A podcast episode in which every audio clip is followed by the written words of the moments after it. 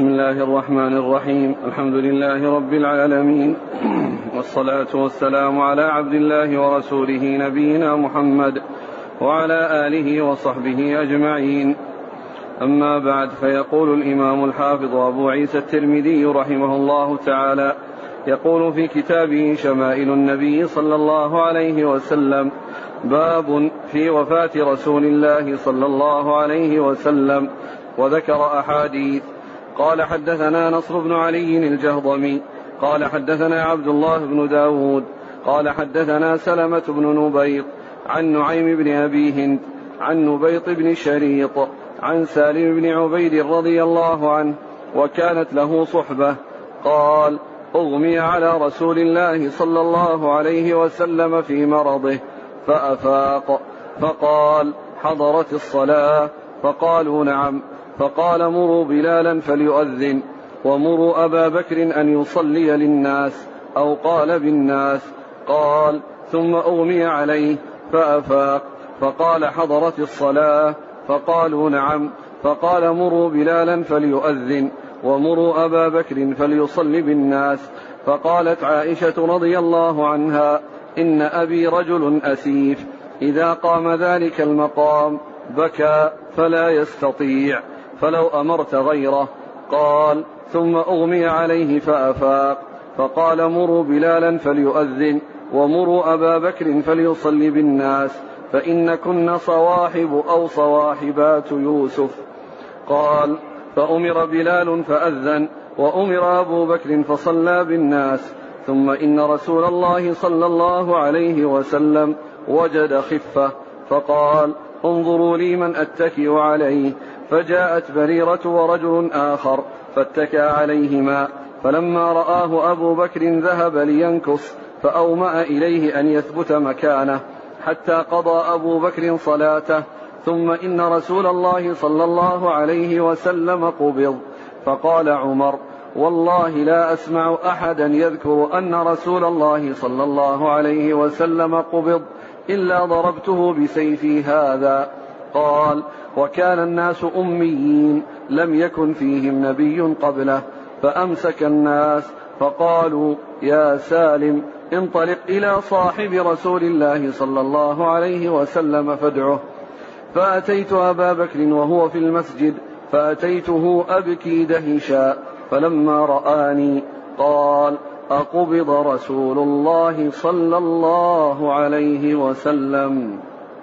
قلت إن عمر يقول لا أسمع أحدا يذكر أن رسول الله صلى الله عليه وسلم قبض إلا ضربته بسيفي هذا فقال لي انطلق فانطلقت معه فجاء هو والناس فجاء هو والناس قد دخلوا على رسول الله صلى الله عليه وسلم فقال يا أيها الناس أفرجوا لي فأفرجوا له فجاء حتى أكب عليه ومسه فقال إنك ميت وإنهم ميتون. ثم قالوا يا صاحب رسول الله صلى الله عليه وسلم أقبض رسول الله صلى الله عليه وسلم؟ قال نعم. فعلموا أن قد صدق.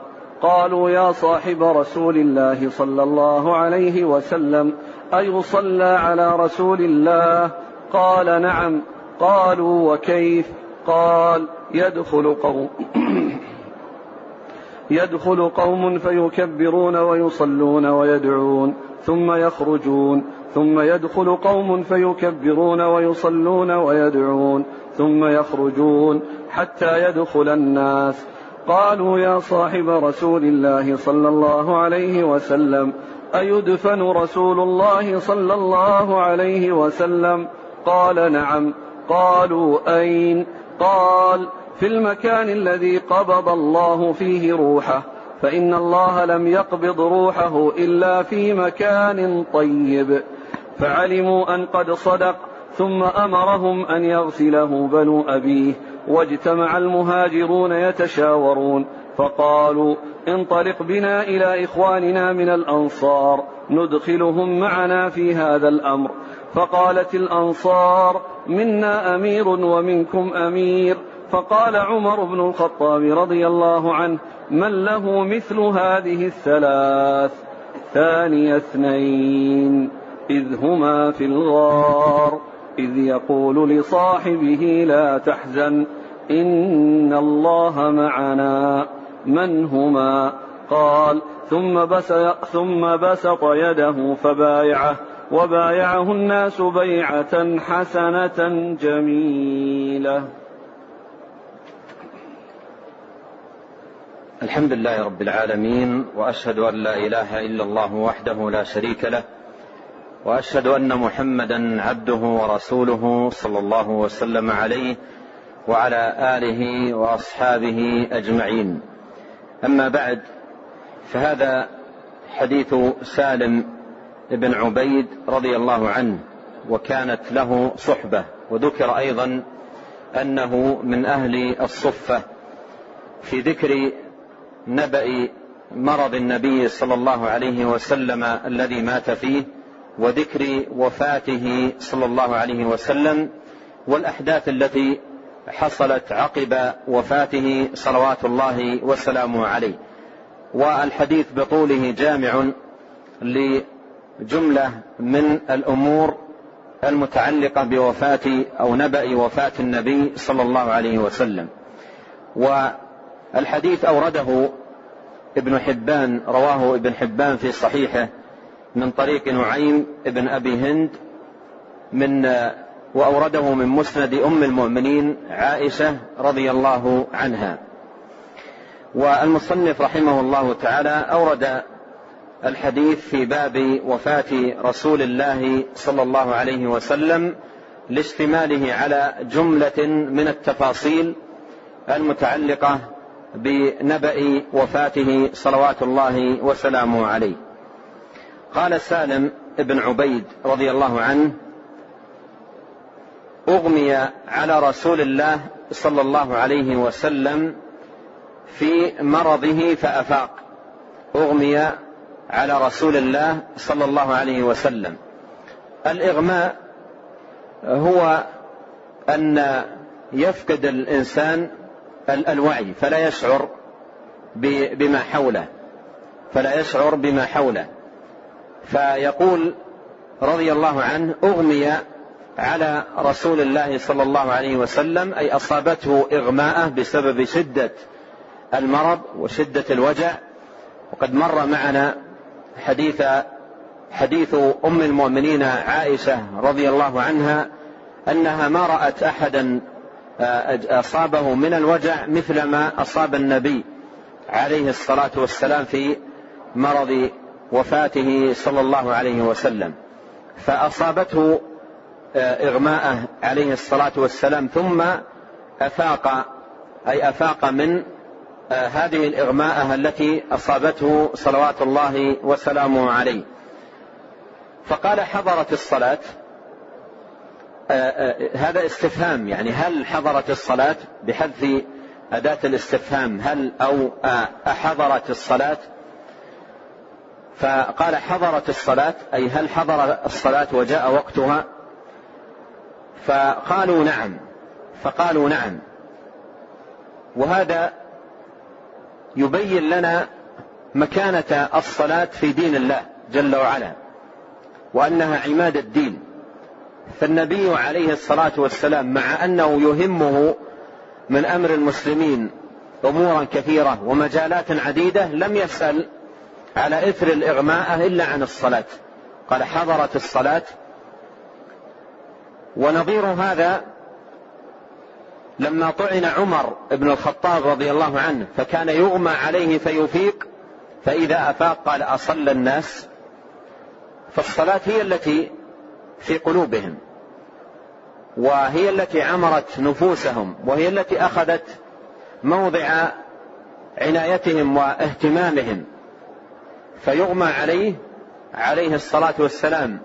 ثم يفيق فلا يسأل عن شيء إلا عن الصلاة. لا يسأل عن شيء إلا عن الصلاة. وهنا يا إخوان في مثل هذه الحالة الحرجة الحالة الصعبة حال الموت حال المرض الشديد من لم تكن الصلاة في قلب الإنسان لم من لم تكن الصلاة في قلبه تشغل نفسه فإن مثل هذه الحالة الحرجة حال المرض تكون الصلاة من آخر الأشياء التي تخطر في باله. تكون الصلاة من آخر الأشياء التي تخطر في بال الإنسان. يأتي في باله أمور كثيرة والصلاة من آخر ما يخطر في باله. بل بعض الناس في مثل هذه الحالة الحرجة يذهل عن الصلاة إلا أن يذكر بها. إلا أن يذكر بها. فبعض الناس يشتد به المرض فينشغل عن الصلاة ولا تأتي على باله. لا تأتي على باله. إلا أن يذكر بها يذكره بها أولياؤه أو أصحابه أو قرابته. أما آه هو فيشغل ويذهل عنها في مثل آه هذا الخطب العظيم والمرض الشديد والوجع. فكثير من الناس يذهل. إلا من كانت الصلاة عمرت قلبه وملأت نفسه. فمثل هذا أول ما يخطر في باله الصلاة. وهذا معروف في حال العباد الذين أكرمهم الله سبحانه وتعالى بالعناية بهذا بهذه الصلاة والاهتمام بها وشغلت أوقاتهم وكانت قلوبهم في حياتهم معلقة بالمساجد. والقصص في هذا الباب كثيرة ومن عجيب القصص الذي أذكره في هذا الباب لرجل توفي قبل وقت غير بعيد وهو من العباد. يحدثني بذلك ابنه. يقول إن والدي قبل وفاته دخل في غيبوبة. استمرت ستة شهور. يقول في وسط هذه المدة يعني بعد ثلاثة شهور من الغيبوبة ذهبت إليه فقال لي الطبيب إن والدك عنده شيء من الإفاقة. إذا تريد أن تتكلم معه فرصة لك. يقول فانطلقت فرحا إلى والدي. انطلقت فرحا إلى والدي أريد أن أتحدث معه. يقول وكان سمعه ثقيل. فاقتربت منه وناديته بصوت عالي. يا والدي يا أبي بصوت عالي. يقول فتحرك قليل وقال أذن. تحرك قليل ثم قال ها أذن. يقول ما قال غير هذه الكلمة. بعد ثلاثة أشهر غيبوبة. ثلاثة أشهر كاملة غيبوبة ثم لا يتكلم إلا بهذه الكلمة. أبدا فمثل هذه المواقف لا تكون من كل أحد. لا تكون من كل أحد وإنما تكون ممن عمرت قلوبهم بالعناية بالصلاة وكانت قلوبهم معلقة بالمساجد. وللصلاة مكانة عظيمة في نفوسهم. ومثل هذا يحصل كثيرا ممن أكرمهم الله سبحانه وتعالى في العبادة.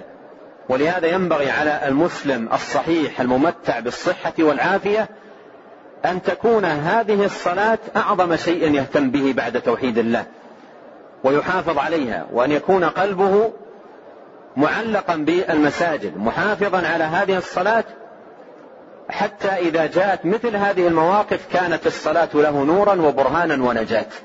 مثل ما قال نبينا عليه الصلاة والسلام من حافظ عليها كانت له نورا وبرهانا ونجاة يوم القيامة. من حافظ عليها كانت له نورا وبرهانا ونجاة يوم القيامة ومن لم يحافظ عليها لم يكن له نور ولا برهان ولا نجاة يوم القيامة. ابن القيم رحمه الله ذكر في كتابه الجواب الكافي قصص تتعلق بالخواتيم خواتيم حسنة وخواتيم أخرى سيئة لبعض الناس. أحدهم في مرض يقولون له قل لا إله إلا الله يأمرون بالصلاة فيأبى يقول وماذا ينفعني أن أقولها؟ وماذا ينفعني أن أقولها؟ وهنا ينبغي أن نلاحظ قول الله سبحانه وتعالى يثبت الله الذين آمنوا بالقول الثابت. الذين آمنوا. فينبغي على العبد المسلم الناصح لنفسه أن يتقي الله عز وجل في هذه الصلاة. وكان من آخر وصاياه التي سمعت منه صلوات الله وسلامه عليه آه، اتقوا الله أو, أو قول الصلاة الصلاة وما ملكت أيمانكم. أي حافظوا عليها إلزموها اعتنوا بها. قال لما أفاق صلوات الله وسلامه عليه حضرت الصلاة؟ حضرت الصلاة؟ فقالوا نعم. أي حضرت. فقال مروا بلالا فليؤذن. انظر الاهتمام بالصلاة في مثل هذه الحال والعناية بها في مثل هذه الحال. مروا بلالا فليؤذن. أي ينادي بالصلاة وبلال مؤذن رسول الله. صلى الله عليه وسلم. قال مروا بلالا فليؤذن ومروا أبا بكر أن يصلي للناس أو قال بالناس. أن يصلي للناس أي إماما. أو يصلي بهم أي إماما. مروا أبا بكر فليصلي بالناس. وهذا يبين مكانة أبي بكر العلية. وأن النبي صلى الله عليه وسلم اختاره من بين الصحابة كلهم إماما للمسلمين في دينهم. ولهذا قال من قال لما ولي أبو بكر رضي الله عنه الخلافة قال إذا كان النبي صلى الله عليه وسلم رضيه لنا لديننا فكيف لا نرضاه لدنيانا؟ إذا كان النبي صلى الله عليه وسلم رضيه لديننا فكيف لا نرضاه لدنيانا. وقد قال عليه الصلاة والسلام في موقف آخر يأبى الله ورسوله والمؤمنون إلا أبا بكر. فهذا كله يبين لنا مكانة أبي بكر رضي الله, العلي رضي الله عنه العلية ومنزلته الرفيعة وأنه خير أصحاب النبي عليه الصلاة والسلام وأفضلهم على الإطلاق. قال مروا أبا بكر أن يصلي للناس أو قال بالناس ثم أغمي عليه. أي من شدة المرض. صلوات الله وسلامه عليه. رجع الإغماء عليه. يعني أفاق للحظات يسيرة. وهذه اللحظات اليسيرة التي أفاق فيها لم يكن في باله أمر إلا ماذا؟ الصلاة. لم يكن في هذه اللحظة اليسيرة التي حصل فيها إفاقة. ثم رجع للإغماء مرة ثانية. لم يكن في مثل هذه اللحظة اليسيرة إلا الصلاة.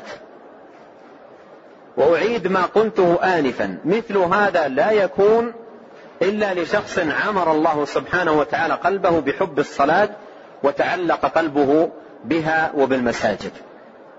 والعاقل الناصح لنفسه يعتني في صحته بصلاته ويحافظ عليها فتنفعه في مثل هذه في مثل هذا الموقف وتنفعه يوم يلقى الله. سبحانه وتعالى لأن أول ما يسأل عنه يوم القيامة الصلاة. وأول ما يحاسب عليه من عمله الصلاة. فقال ثم أغمي عليه فأفاق. أيضا ليس في باله إلا الصلاة صلوات الله والسلام عليه. قال حضرت الصلاة؟ قالوا نعم. قال مروا بلالا فليؤذن. ومروا أبا بكر فليصلي بالناس. ومروا أبا بكر فليصلي بالناس. فقالت عائشة رضي الله عنها إن أبي رجل أسيف يعني الحزن يصل إلى قلبي بسرعة. رقيق رجل رقيق الطبع سريع الدمعة سريع العبرة رحيم يتأثر بسرعة. فقالت رضي الله عنها إن أبي رجل أسيف إذا قام ذلك المقام بكى فلا يستطيع. يعني لا يستطيع أن يصلي. وجاء في بعض الروايات أنها قالت مر عمر أن يصلي بالناس. قالت إن أبي رجل أسيف. يعني لا يستطيع لأن إذا قام ذلك المقام يعني إذا وقف في المكان الذي كان يقف فيه النبي صلى الله عليه وسلم سيذكر قيام النبي عليه الصلاة والسلام في ذلك المقام لن يتحمل هذا الموقف. فلا يستطيع. فتعتذر عن تقديم أبيها للصلاة بأنه رجل رقيق الطبع سريع العبرة سريع البكاء سريع الدمعة لا يتحمل. فقالت إن أبي رجل أسيف إذا قام ذلك المقام بكى فلا يستطيع فلو أمرت غيره. فلو أمرت غيره. وجاء في صحيح البخاري ومسلم أنها قالت مر عمر يصلي بالناس فإنه رجل قوي. مر عمر فليصلي بالناس. وأعادت عليه مرة ثانية كما جاء في الصحيحين. أعادت عليه مرة ثانية. فقال بعد المرة الثانية مروا أبا بكر فليصلي بالناس. المرة الثالثة لا زالت رضي الله عنها حريصة على أن لا يتقدم والدها. وهي هنا تذكر أن تذكر أنه رقيق الطبع سريع البكاء لكنها كانت تخشى كما صرحت بذلك في بعض الروايات على أبيها من أمر آخر. ذكرت هذا الأمر للنبي عليه الصلاة والسلام رقة قلبه لكنها كانت تخشى على والدها من أمر آخر. وهي أن الصحابة لما يتقدم رجل في هذا المكان ويعلمون أن هذا المكان هو مكان من؟ النبي عليه الصلاة والسلام. فإذا جاء شخص وقام مقام النبي صلى الله عليه وسلم من كان هذا الشخص؟ فالنفوس لا سيقع فيها شيء. فلأجل ذلك كانت تخشى على والدها أن يتقدم.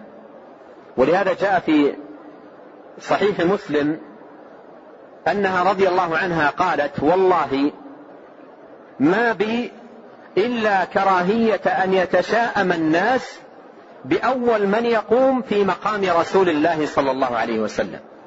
والله ما بي إلا أن يتشاءم الناس بأول من يقوم في مقام رسول الله صلى الله عليه وسلم.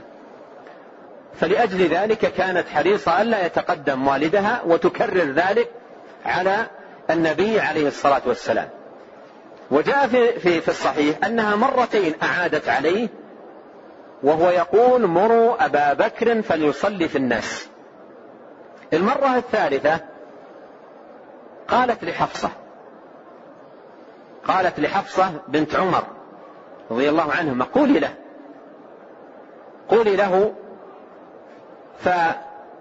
فاستجابت حفصة في المرة الثالثة قالت للنبي عليه الصلاة والسلام إن أبا بكر رجل أسيف سريع البكاء وإذا قام مقامك لا يستطيع أن يصلي بالناس مر عمر.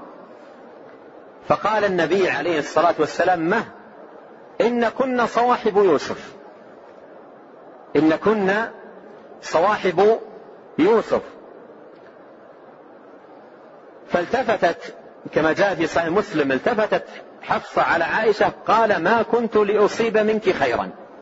ما كنت لأصيب منك خيرا.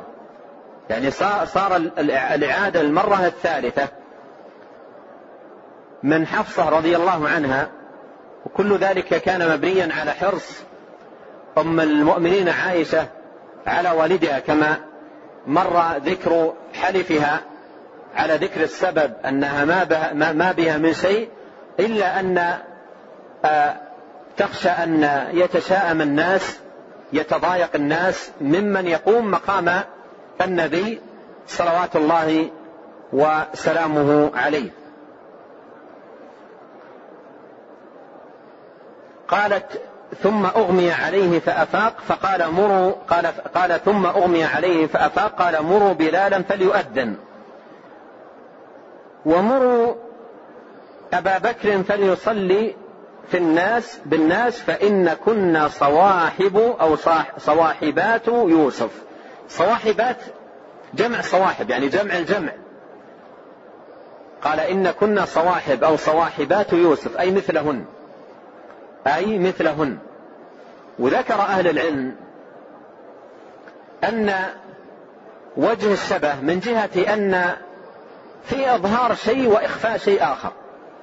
عائشة رضي الله عنها أظهرت أن والدها أسيف وأخفت أنها مشفقة على والدها. مشفقة على والدها إذا قام هذا المقام. فقال النبي عليه الصلاة والسلام إن كنا صواحب أو صواحبات يوسف. صواحبات يوسف. قال فأمر بلال فأذن. فأمر بلال فأذن وأمر أبو بكر فصلى بالناس. وأمر أبو بكر فصلى بالناس. ثم إن رسول الله صلى الله عليه وسلم وجد خفة يعني بعد هذا الأمر وجد خفة يعني وجد نشاط وجد قدرة على الذهاب للصلاة. وهذا موقف جدير بالاهتمام والاعتبار. وجد خفة. وانظروا إلى حال كثير من الناس كيف يشغلهم عن الصلاة الشواغل. ويصرفهم عنها الصوارف ولا يبالون بها بل كثير من الناس الصلاة يعطيها فضل وقته. الصلاة يعطيها فضل وقته. ولا يهتم بها. وعند أدنى مرض يعني زكام خفيف أو تعب خفيف يتخلف عن الصلاة ويتعلل يقول أنا مريض. بينما كما جاء في صحيح مسلم يقول عبد الله بن مسعود ولقد رأيتنا يعني أصحاب النبي عليه الصلاة والسلام يؤتى بالرجل يهادى بين الرجلين. يعني يمسكه رجل مع عضده الأيمن ورجل مع عضده الأيسر حتى يقام في الصف. حتى يقام في الصف. قال فوجد خفة. الخفة هذه التي وجدها كانت في أثناء اشتداد المرض إلى درجة أن يغمى عليه ويفيق ويغمى عليه ويفيق ويغمى عليه ويفيق. ثم تقام الصلاة بعد أمره للناس بأن يقدموا أبا بكر رضي الله عنه فيجد في هذه الأثناء خفة صلوات الله وسلامه عليه فيقول انظروا لي من أتكئ عليه. انظروا لي من أتكئ عليه. يعني اطلبوا لي من أتكئ عليه. ادعوا لي من أتكئ عليه. لماذا يريد أن يذهب يصلي في المسجد؟ صلوات الله وسلامه عليه. وهذا تذكره أيها الأخ الموفق جيدا ينفعك الله سبحانه وتعالى به في حياتك العملية. وهذا نبيك عليه الصلاة والسلام وقدوتك. وهذه لحظاته الأخيرة من حياته. صلوات الله وسلامه عليه. قال فوجد في نفسه خفة فقال انظروا لي من أتكئ عليه. قال فجاءت بريرة ورجل آخر. بريرة مولاة عائشة وهي حبشية. ورجل آخر جاء في بعض الروايات التصريح باسمه نوبة اسمه نوبة وهو عبد. فجاءت بريرة ونوبة. وعضد للنبي صلى الله عليه وسلم وساعداه وقام عليه الصلاة والسلام والمرض مشتد به متكئ عليهما على بريرة ونوبة. ومضى مضيا به إلى المسجد. مضيا به إلى المسجد. هذا كله يبين شأن الصلاة ومكانتها العلية وما ينبغي أن يكون عليه حال الناس من اهتمام ورعاية بهذه الصلاة التي أعظم أركان الإسلام بعد الشهادتين. فاتكأ عليهما فاتكأ عليهما. فلما رآه أبو بكر لما رآه يعني لمحه أبو بكر وقد جاء به عليه الصلاة والسلام فلما رآه أبو بكر ذهب لينكص يعني ليرجع إلى الوراء يتأخر مع الناس في الصف ليكون النبي صلى الله عليه وسلم هو الإمام. هنا في هذه الرواية أنه اتكى على بريرة ونوبة. وجاء في الصحيحين أنه عليه الصلاة والسلام اتكى على العباس عمه وعلى رجل آخر أيضا صرح به في بعض الروايات علي بن أبي طالب ابن عمه. وجمع بين بينهما أن نوبة وبريرة اتكى عليهما صلوات الله وسلامه عليه إلى باب المسجد ثم أكمل العباس وعلي بالنبي عليه الصلاة والسلام إلى موضعه من الصف إلى موضعه آه، في, في, في, في الصلاة في المسجد. إلى جنب أبي بكر رضي الله عنه. وقيل بتعدد القصة. قال فلما رآه أبو بكر ذهب لينكص أي ليرجع إلى الوراء فأومأ إليه أن يثبت مكانه. أومأ إليه أن يثبت مكانه حتى قضى أبو بكر صلاته. حتى قضى أبو بكر صلاته. وقد اختلف أهل العلم هل صلى النبي صلى الله عليه وسلم هذه الصلاة إماما أو مأموما. فمن أهل العلم من قال إنه صلى إماما بأبي بكر يأتم أبي بكر بصلاته والناس يأتمون بصلاة أبي بكر ومنهم من قال إنه صلى الله عليه وسلم صلى مأموما. قولان لأهل العلم في صلاة النبي صلى الله عليه وسلم هذه. وجاء في بعض الروايات أنه جلس أجلس عليه الصلاة والسلام لا يستطيع القيام من شدة المرض أجلس على يسار أبي بكر. وهذا يقوي أنه عليه الصلاة والسلام كان إمام وأبو بكر يأتم به والناس يأتمون بأبي بكر رضي الله عنه. حتى قضى أبو بكر صلاته. ثم إن رسول الله صلى الله عليه وسلم قبض. ثم تفيد التراخي. يعني لم يقبض في نفس اللحظة. أعيد عليه الصلاة والسلام إلى البيت ثم صلى أبو بكر بالناس بعض الصلوات صلاة أو أكثر ومر معنا أنه عليه الصلاة والسلام كشف الستر في صلاة الفجر يوم الاثنين اليوم الذي مات فيه ونظر إلى الناس قال أنس نظرت إلى وجهه كأنه ورقة مصحف من حسنه وبهائه وجماله.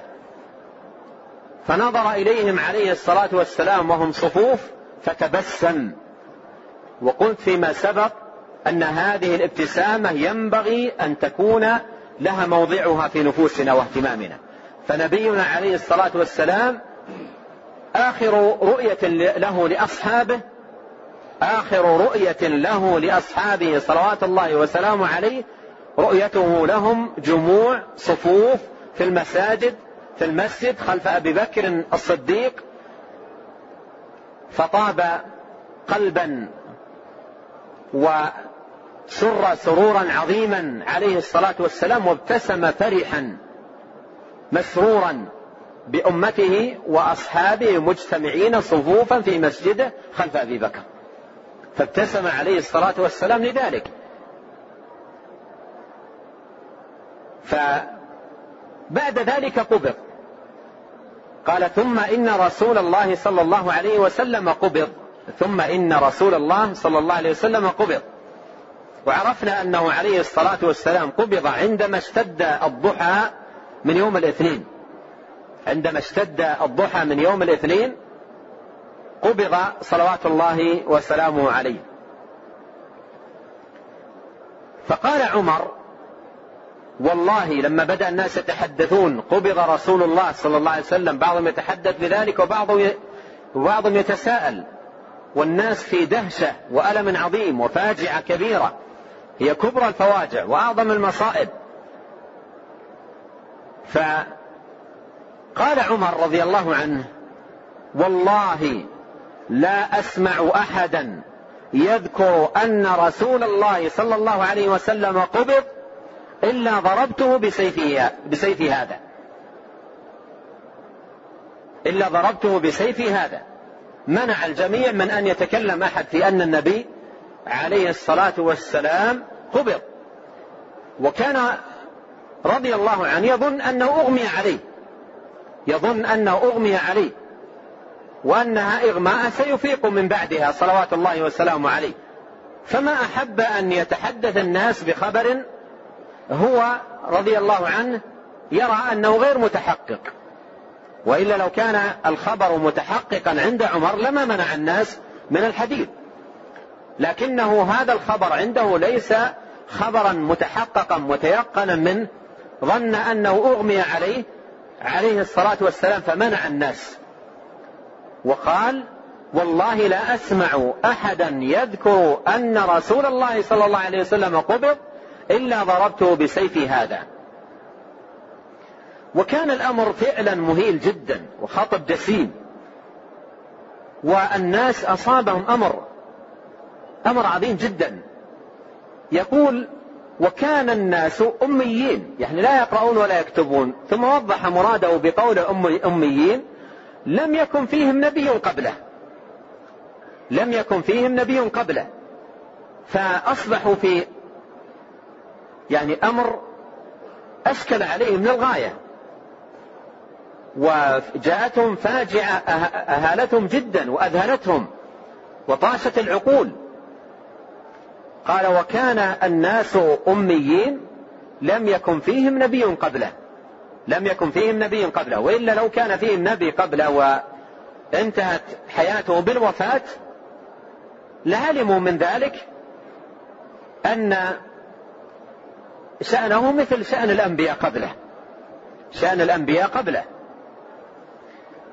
فأمسك الناس. يعني بعد أن قال وأعلن عمر ذلك الإعلان أمسك الناس يعني كفوا ولم يتحدث أحد بهذا الخبر.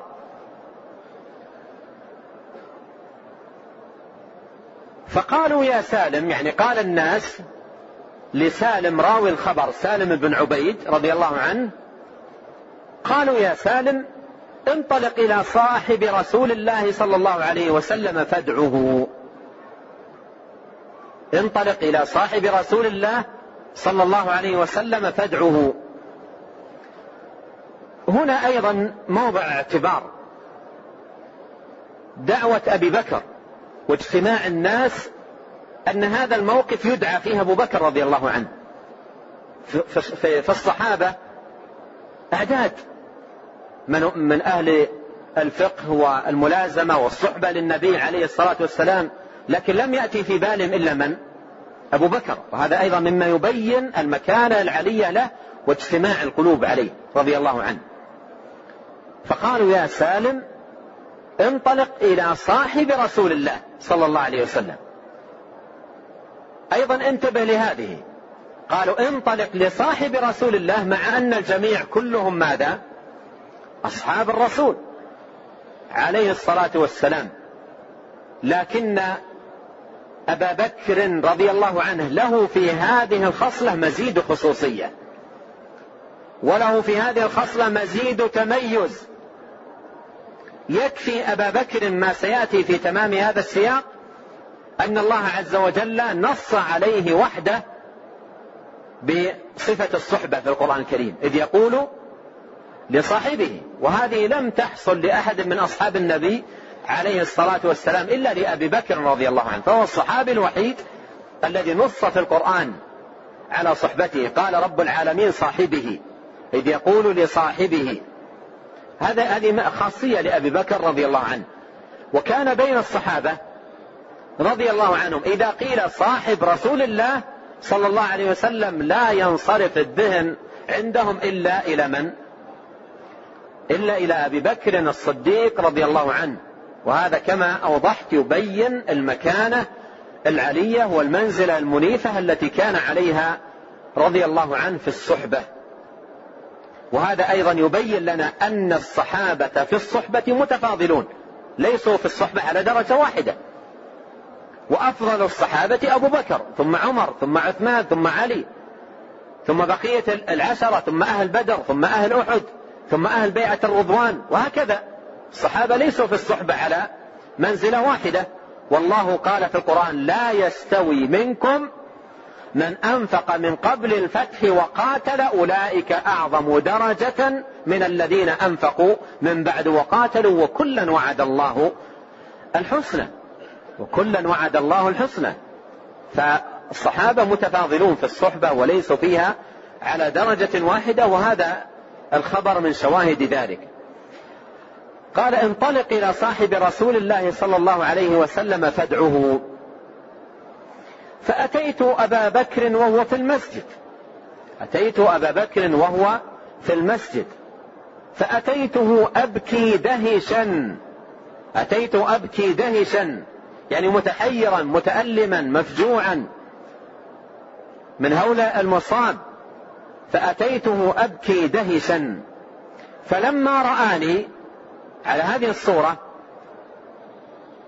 وكان أبو بكر رضي الله عنه يعرف أن الوقت وقت اشتداد المرض بالنبي عليه الصلاة والسلام.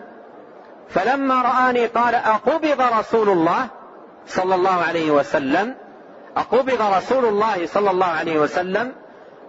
لم يقل سالم نعم مع أن الناس بدأوا يتحدثون قبض رسول الله صلى الله عليه وسلم لكن منعهم عمر منعا باتا. وحلف أن من تكلم بذلك يضربه بسيفه. فلم يقل امتثالا لتوجيه عمر رضي الله عنه لم يقل نعم. قال أقبض رسول الله صلى الله عليه وسلم؟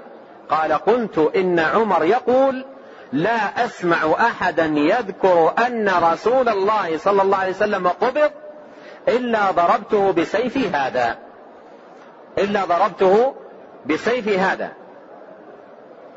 فالكل استجاب وكف عن ذلك وها هو سالم ذهب إلى أبي بكر لينقل له الخبر ومع ذلك التزم بتوجيه عمر آه، رضي الله عنه وأرضاه. فقال لي يعني قال لي أبو بكر انطلق فانطلقت معه. انطلقت معه. فجاء هو والناس قد دخلوا على رسول الله صلى الله عليه وسلم تزاحموا عند بيته صلوات الله وسلامه عليه. تزاحم الناس عند بيت النبي عليه الصلاة والسلام قد دخلوا على رسول الله صلى الله عليه وسلم. فقال يا أيها الناس أفرجوا لي أي أوسعوا لي افتحوا لي المجال. أيها الناس أفرجوا لي. فأفرجوا له أي فسحوا له المجال رضي الله عنه. جاء في صحيح البخاري أن أبا بكر جاء إلى المكان لم يكلم الناس لا لم يكلم أحد. جاء مطرقا ساكتا إلى أن وصل إلى النبي صلى الله عليه وسلم لم يكلم أحد. وهذا لا يتنافى مع قوله آه، أفرجوا لي. لا يتنافى معه. لأن المراد لم يكلم الناس يعني لم يبحث في طريقه مع الناس هذا الموضوع ولم يسأل أحد ولم يكلم أحد متجه راسا إلى النبي عليه الصلاة والسلام. إلا هذه الكلمة احتاج إليها حتى يتمكن من الدخول.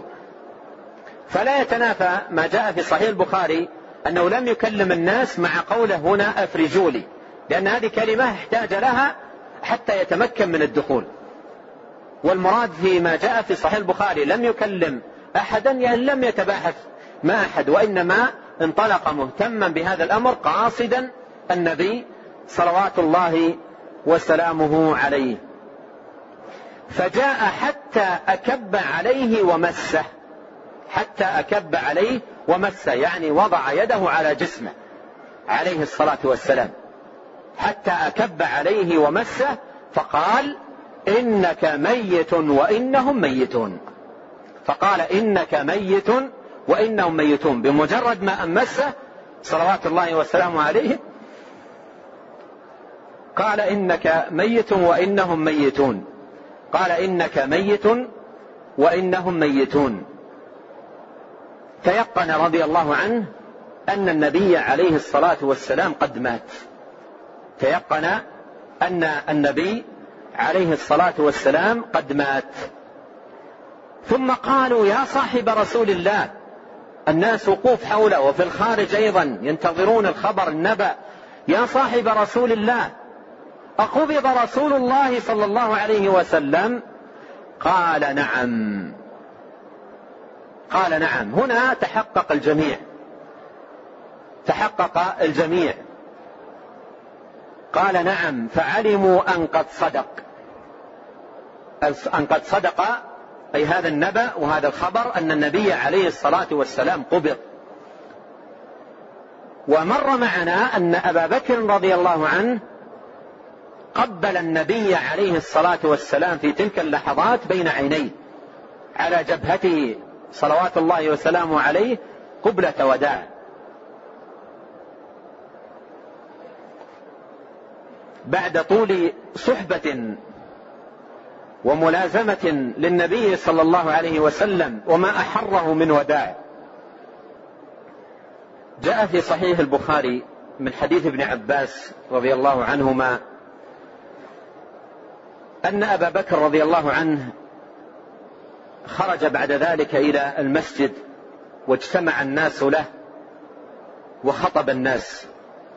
خطبة عظيمة جدا فيها تثبيت للناس وتثبيت للتوحيد والإيمان وفيها بيان للأمر وإيضاح لهذه الحقيقة والسنة الماضية. فقام رضي الله عنه بكل ثبات قلب مع هول المصاب وفداحة الخطب. وعظم الأمر قام رضي الله عنه مع أن مر علينا قريبا. عائشة رضي الله عنها تقول إن أبي أسيف معروف أبو بكر رضي الله عنه برقة قلبه وسرعة دمعته فثبته الله جل وعلا وقام رضي الله عنه خطيبا. فقال أما بعد.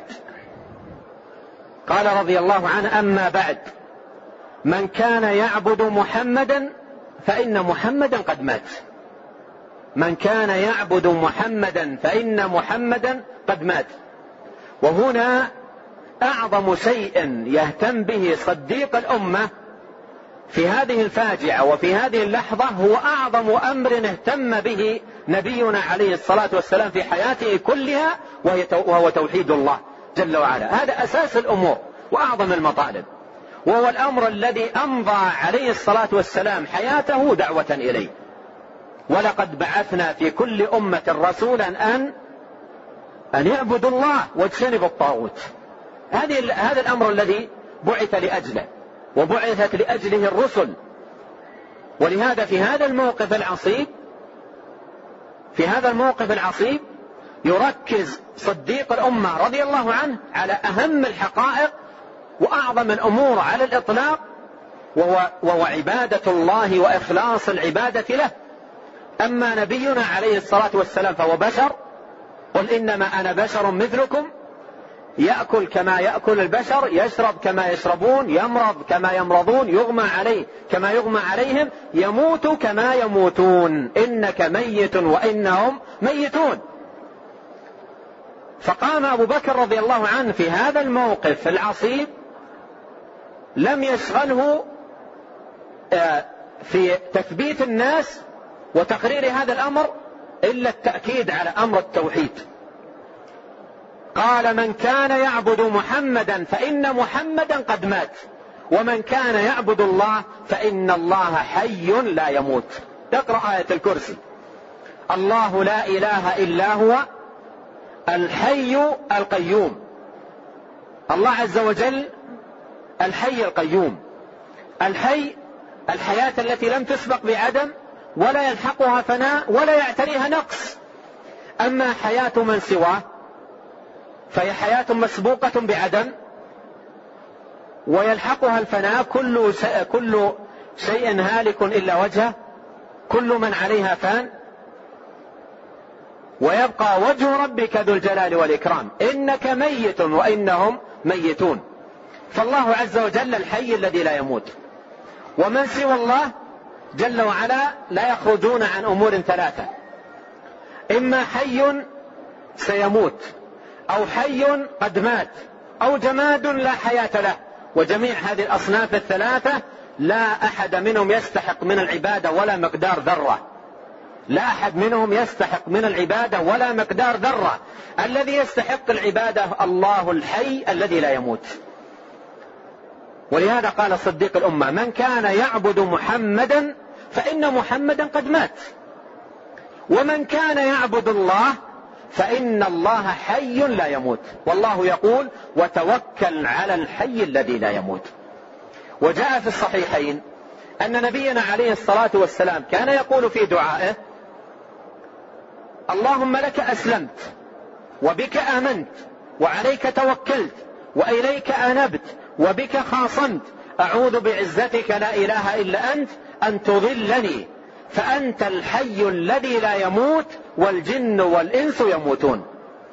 فالإسلام والإيمان والتوكل وتفويض الأمر وجميع العبادات كلها إنما يتوجه بها إلى من؟ إلى الحي الذي لا يموت. فقام أبو بكر رضي الله عنه ليثبت التوحيد والإيمان. وهنا أيضا حقيقة لا بد من الانتباه لها وهو وهي أن التوحيد إذا ثبت وصلح جميع الأمور من بعده تصلح. ولهذا التوحيد هو المفزع للإنسان عند المصائب وعند الكربات وعند الشدائد. ولاحظ هذا في دعاء نبينا عليه الصلاة والسلام في الكرب. لا إله إلا الله العظيم. لا إله إلا الله الحليم. في الكرب يفزع عليه الصلاة والسلام إلى التوحيد. ومن هذا المأخذ أخذ أبو بكر رضي الله عنه يبرز هذه تثبيتا للناس وتقريرا لهذا الأمر العظيم. قال من كان يعبد محمدا فإن محمدا قد مات. ومن كان يعبد الله فإن الله حي لا يموت. ثم ثم تلا رضي الله عنه وما محمد إلا رسول قد خلت من قبله الرسل. أفإن مات أو قتل انقلبتم على أعقابكم؟ أفإن مات أو قتل انقلبتم على أعقابكم؟ ومن ينقلب على عقبيه فلن يضر الله شيئا وسيجزي الله الشاكرين. تلا أبو بكر رضي الله عنه هذه الآية في هذا المقام وفي هذه اللحظات العصيبة. أفإن مات أو قتل انقلبتم على أعقابكم ومن ينقلب على عقبيه فلن يضر الله شيئا وسيجزي الله الشاكرين. تلا هذه الآية على مسامع الناس. تلا هذه الآية على مسامع الناس في هذه الخطبة العظيمة. قال والله يقول ابن عباس راوي هذا الخبر والله لكأن الناس لم يعلموا أن الله عز وجل أنزل تلك الآية حتى تلاها أبو بكر. قال والله لكأن الناس ما علموا أن الله أنزل تلك الآية حتى تلاها أبو بكر. وهذا من نعمة الله سبحانه وتعالى على أبي بكر رضي الله عنه وتثبيته له في هذا الموقف وأيضا يسر الله, يسر الله له استحضار هذه الآيات في مثل هذا الموقف. ومثل هذا الاستحضار لا يتهيأ لأحد. ابن عباس رضي الله عنه يحلف يقول والله لكأن الناس والله لكأن الناس لم يعلموا أن الله أنزل هذه الآية. فالاستحضار والتثبيت من الله سبحانه وتعالى. فتلا هذه الآية. وقبلها في اللحظة نفسها التي لمس فيها النبي صلى الله عليه وسلم تلا ماذا؟ إنك ميت وإنهم ميتون. تلا هذه الآية. قال والله لكأن الناس لم يعلموا أن الله أنزل تلك الآية حتى تلاها أبو بكر. فتلاها الناس. فتلاها الناس يعني أخذ الناس يرددون هذه الآية ويقرؤون هذه الآية. وفي هذا أن الإنسان يفزع إلى القرآن في مصائبه وملماته ويتلو من القرآن. ما يكون فيه كشف كربته وتثبيته في مصابه. والأمر الذي ألم به. قال فتلاها الناس فما سمع من بشر إلا يقرأها. فما سمع من بشر إلا يقرأها. أصبحت الآية يرددها الناس في أرجاء المدينة. ما سمع بشر إلا يقرأها. أصبح الناس يرددون هذه الآية. والله سبحانه وتعالى أكرم أبي بكر رضي الله عنه بكرامة عظيمة والدال على الخير كفاعله بأن تلا على مسامعهم هذه الآية فأصبحت هذه الآية على ألسنة الناس يرددونها جعلها الله سبحانه وتعالى تثبيتا لهم. وبيانا للموقف الصائب الذي ينبغي أن يكونوا عليه. قال أفإن مات أو قتل انقلبتم على أعقابكم ومن ينقلب على عقبيه فلن يضر الله شيئا. وسيجزي الله الشاكرين. ففي تنبيه لما ينبغي أن يكونوا عليه في مثل هذه الحال. حال وفاة النبي عليه الصلاة والسلام. فهي الآية المناسبة في الموضع المناسب. أكرم الله أبا بكر رضي الله عنه بأن تلاها عليهم وأخذ الناس يتلون هذه الآية فتكون تثبيتا لهم ونورا وضياء لهم وشفاء لما في صدورهم. وبيانا للأمر والموقف الذي ينبغي أن يكونوا عليه في تلك الحال. عودا لحديث سالم ثم قالوا يا صاحب رسول الله أقبض رسول الله صلى الله عليه وسلم؟ قال نعم. فعلموا أن قد صدق. علموا أن قد صدق. فقالوا يا صاحب رسول الله أيصلي أيصلى على رسول الله صلى الله عليه وسلم. أيضا يأتي هنا ما موقف عمر رضي الله عنه. موقف عمر قبل قليل عمر أعلنها مدوية بينهم قال والله لا أسمع أحدا يقول إنه مات إلا ضربته بسيف هذا. ما موقف عمر رضي الله عنه بعد كلام أبي بكر رضي الله عنه وتلاوته للآية؟ جاء في الحديث أن عمر قال والله ما هو إلا أن سمعت أبا بكر تلاها. والله ما هو إلا أن سمعت أبا بكر تلاها فعرفت أن رسول الله صلى الله عليه وسلم مات. فعرفت أن رسول الله صلى الله عليه وسلم مات حتى ما تقلني رجلاي.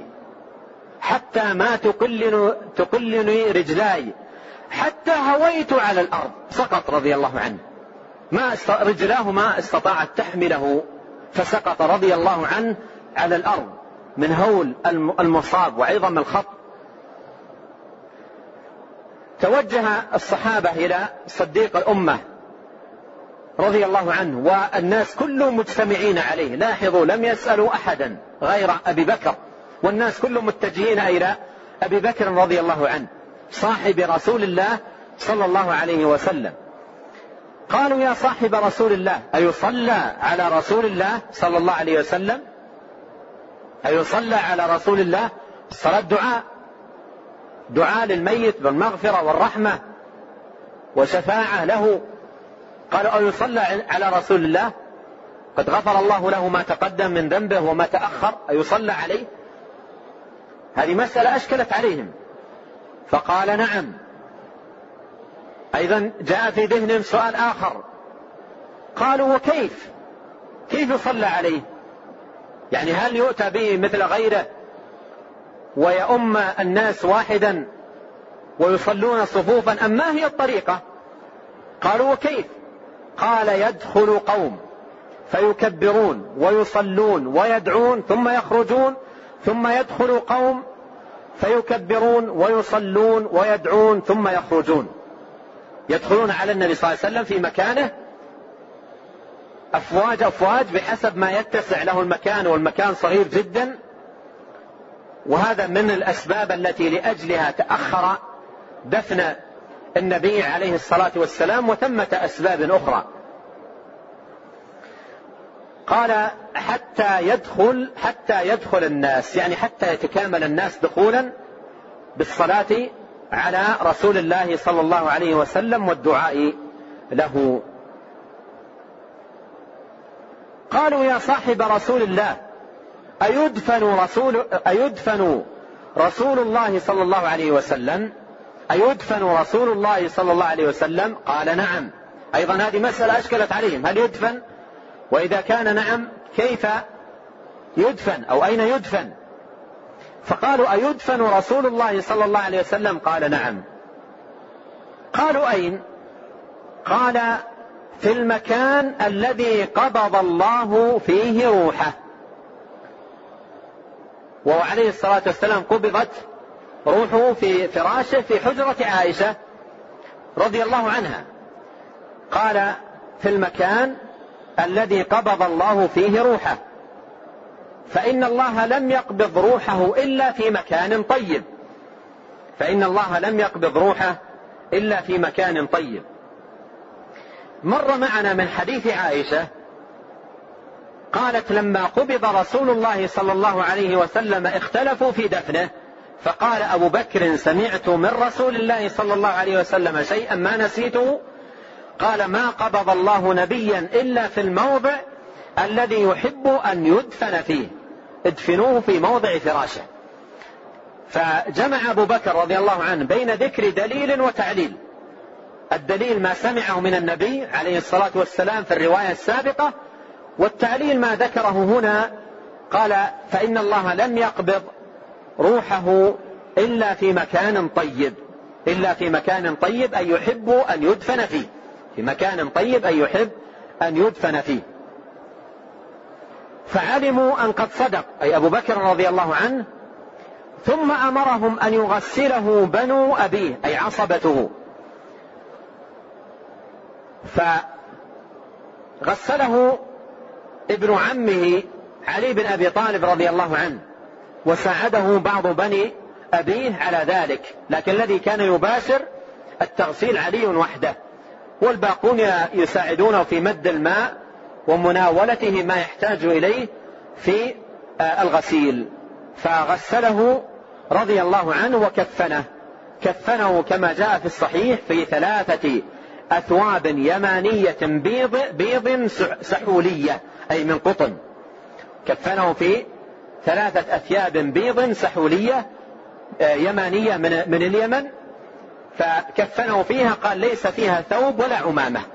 ليس فيها ثوب ولا عمامة. فكفنه فأصبح آه، آه، جاهزا عليه الصلاة والسلام لأن يصلى عليه وأن يدفن صلوات الله وسلامه عليه. وتم الغسل في يوم الثلاثاء وتم الدفن في أواخر الليل من ليلة الأربعاء كما سبق بيان ذلك. واجتمع المهاجرون يتشاورون. اجتمع المهاجرون يتشاورون. يعني بعد الوفاة ليس بعد الدفن وإنما بعد وفاة النبي عليه الصلاة والسلام اجتمع المهاجرون يتشاورون أي في أمر الخلافة. اجتمع يتشاورون في أمر الخلافة، لماذا اجتمعوا يتشاورون؟ في أمر الخلافه وبادروا بهذا الأمر؟ لأن الناس لا تصلح أمورهم إلا بماذا؟ إلا بأمير. الناس لا تصلح أمورهم إلا بأمير، وإذا لم يكن على الناس أمير يتقسم الناس إلى أوزاع وتنشب بينهم الفتن ويدب فيهم النزاع والخصومات فلا تصلح الناس لا يصلح أمر الناس إلا بأمير لا يصلح الناس فوضى لا سرات لهم ولا سرات لهم إذا جهالهم سادوا. فالناس لا يصلحون ولهذا الصحابة بادروا إلى النظر في أمر الخلافة من يلي الأمر بعد النبي عليه الصلاة والسلام. بادروا لذلك وسارعوا إليه. قال فاجتمع المهاجرون يتشاورون فقالوا أي لأبي بكر رضي الله عنه انطلق بنا إلى إخواننا من الأنصار. انطلق بنا إلى إخواننا من الأنصار. ندخلهم معنا في هذا الأمر. ندخلهم معنا في هذا الأمر. أيضا خشي المهاجرون أن يجتمع الأنصار وحدهم ويضعوا مثلا اميرا منهم. ثم قد تبدأ فتن وتبدأ إشكالات لا حد لها. فسارع الصحابة من المهاجرين وقالوا لأبي بكر انطلق بنا إلى إخواننا من الأنصار نشركهم معنا في الأمر يعني نتداول هذا الأمر سويا ونخرج ب ذكر تقرير شخص واحد يتولى الإمارة والخلافة والولاية. فانطلقوا إلى الأنصار وكانوا مجتمعين في سقيفة بني ساعدة. في سقيفة بني ساعدة. فقالت الأنصار يعني قال واحدا منهم وهو الحباب بن المنذر فقالت الأنصار منا أمير ومنكم أمير. منا أمير ومنكم أمير وهذا أيضا أمر يخشى منه. لأن إذا صار منهم أمير و و ومن المهاجرين أمير وأيضا ربما آخرون أيضا يقولون منا أمير فينقسم الناس. ينقسم الناس. فقالوا منا أمير ومنكم أمير. فوفق الله عز وجل عمر بن الخطاب وألهمه بكلام جمع الله سبحانه وتعالى عليه القلوب. وهذا من نعمة الله سبحانه وتعالى وتوفيقه لعمر بن الخطاب رضي الله عنه وأرضاه. ماذا قال عمر؟ انتبهوا لمقالته العظيمة وكلمته المسددة المباركة التي جمع الله سبحانه وتعالى عليها قلوب الجميع. قال عمر رضي الله عنه من له مثل هذه الثلاث؟ من له مثل هذه الثلاث؟ يعني هذه الثلاث الخصال. ثمة يقول عمر ثمة ثلاث خصال عظيمة. من له هذه الثلاث الخصال؟ أخبروني. من اجتمعت له هذه الخصال الثلاثة؟ ما هي هذه الخصال؟ تلا عليهم القرآن. آية من كتاب الله. ثاني اثنين إذ هما في الغار. إذ يقول لصاحبه لا تحزن إن الله معنا. من اجتمعت له هذه الخصال الثلاث؟ أخبروني من يوجد من الصحابة اجتمعت فيه هذه الخصال الثلاثة. الخصلة الأولى ثاني اثنين إذ هما في الغار. ثاني اثنين إذ هما في الغار. هذه أكرم الله عز وجل أبا بكر بها. فكان الذي هاجر مع النبي عليه الصلاة والسلام وآوى معه في الغار ونصره من أول الأمر وتحمل الصعاب وتجشم الأهوال مع النبي عليه الصلاة والسلام. هذه واحدة. من حصل له هذا؟ هذا الأمر الأول. الأمر الثاني قال إذ يقول لصاحبه من من الصحابة نص على صحبته في القرآن؟ هذه خصيصة لأبي بكر. انفرد بها وتميز بها عن بقية الأصحاب حتى إنه شاع بين الصحابة كما عرفنا ذلك قريبا أنه عندما يذكر بالإطلاق صاحب رسول الله صلى الله عليه وسلم مع أنهم كلهم أصحابه لا ينصرف الذهن إلا إلى من؟ إلا إلى أبي بكر رضي الله عنه وأرضاه هذه الثانية الثالثة ما هي؟ قال إن الله معنا. إذ يقول لصاحبه لا تحزن إن الله معنا. أيضا المعية الخاصة للنبي صلى الله عليه وسلم ولأبي بكر. معية خاصة. فهذه ثلاث اجتمعت لأبي بكر لم تجتمع لغيره من الصحابة. فوفق الله عمر أن قال هذه الكلمة. من له مثل هذه الثلاث؟ من له مثل هذه الثلاث؟ ثاني اثنين. إذ هما في الغار. إذ يقول لصاحبه لا تحزن إن الله معنا. من هما؟ من هما؟ أي المذكوران في هذه الآية؟ من هما؟ يريد أن يذكرهم ويحقق هذا الأمر ويثبته في, في نفوسهم ويجعلهم يتأملون تأملا مزيدا في هذه الآية بما يكون في اجتماع القلوب. من هما؟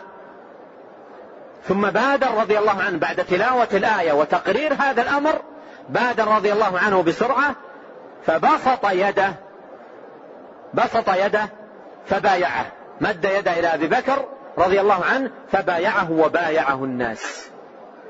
فبايعه وبايعه الناس بيعة حسنة جميلة بدون خلافات وبدون نزاع وبدون خصومات وبدون أي شيء من ذلك.